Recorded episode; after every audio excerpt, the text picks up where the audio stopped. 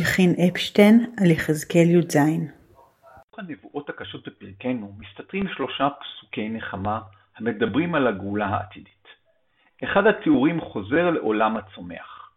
בהר מרום ישראל אשתלנו, ונשא ענף ועשה פרי.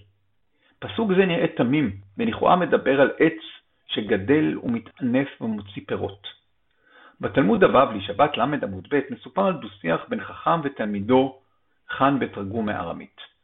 ישב רבן גמליאל ודרש, עתידים אילנות שמוציאים פירות בכל יום, שנאמר, ונשא ענף ועשה פרי. מה ענף בכל יום, אף פרי בכל יום. לגלב עליו אותו תלמיד אמר, והרי כתוב אין כל חדש תחת השמש.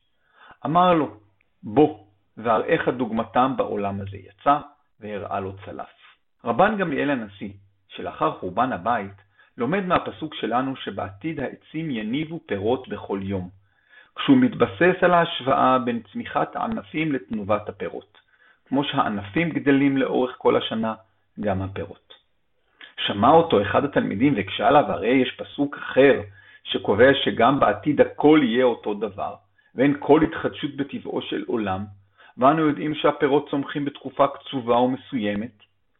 השיב לו רבן גמליאל שגם בעולם המציאותי שלנו יש צמח כזה, והוא הצלף, שמוציא פירות בכל יום. גם רבן גמליאל וגם תלמידו לכאורה מסכימים שהעולם העתידי זהה לעולם העכשווי, ואין לצפות לשינוי. נראה שההבדל ביניהם היא השאלה האם באמת הכל אותו דבר, או שבעולם העכשווי טמונים סודותיו ויכולותיו של העולם העתידי. בכל יום לכאורה מתחדש משהו בעולמנו הנוצץ והעכשווי.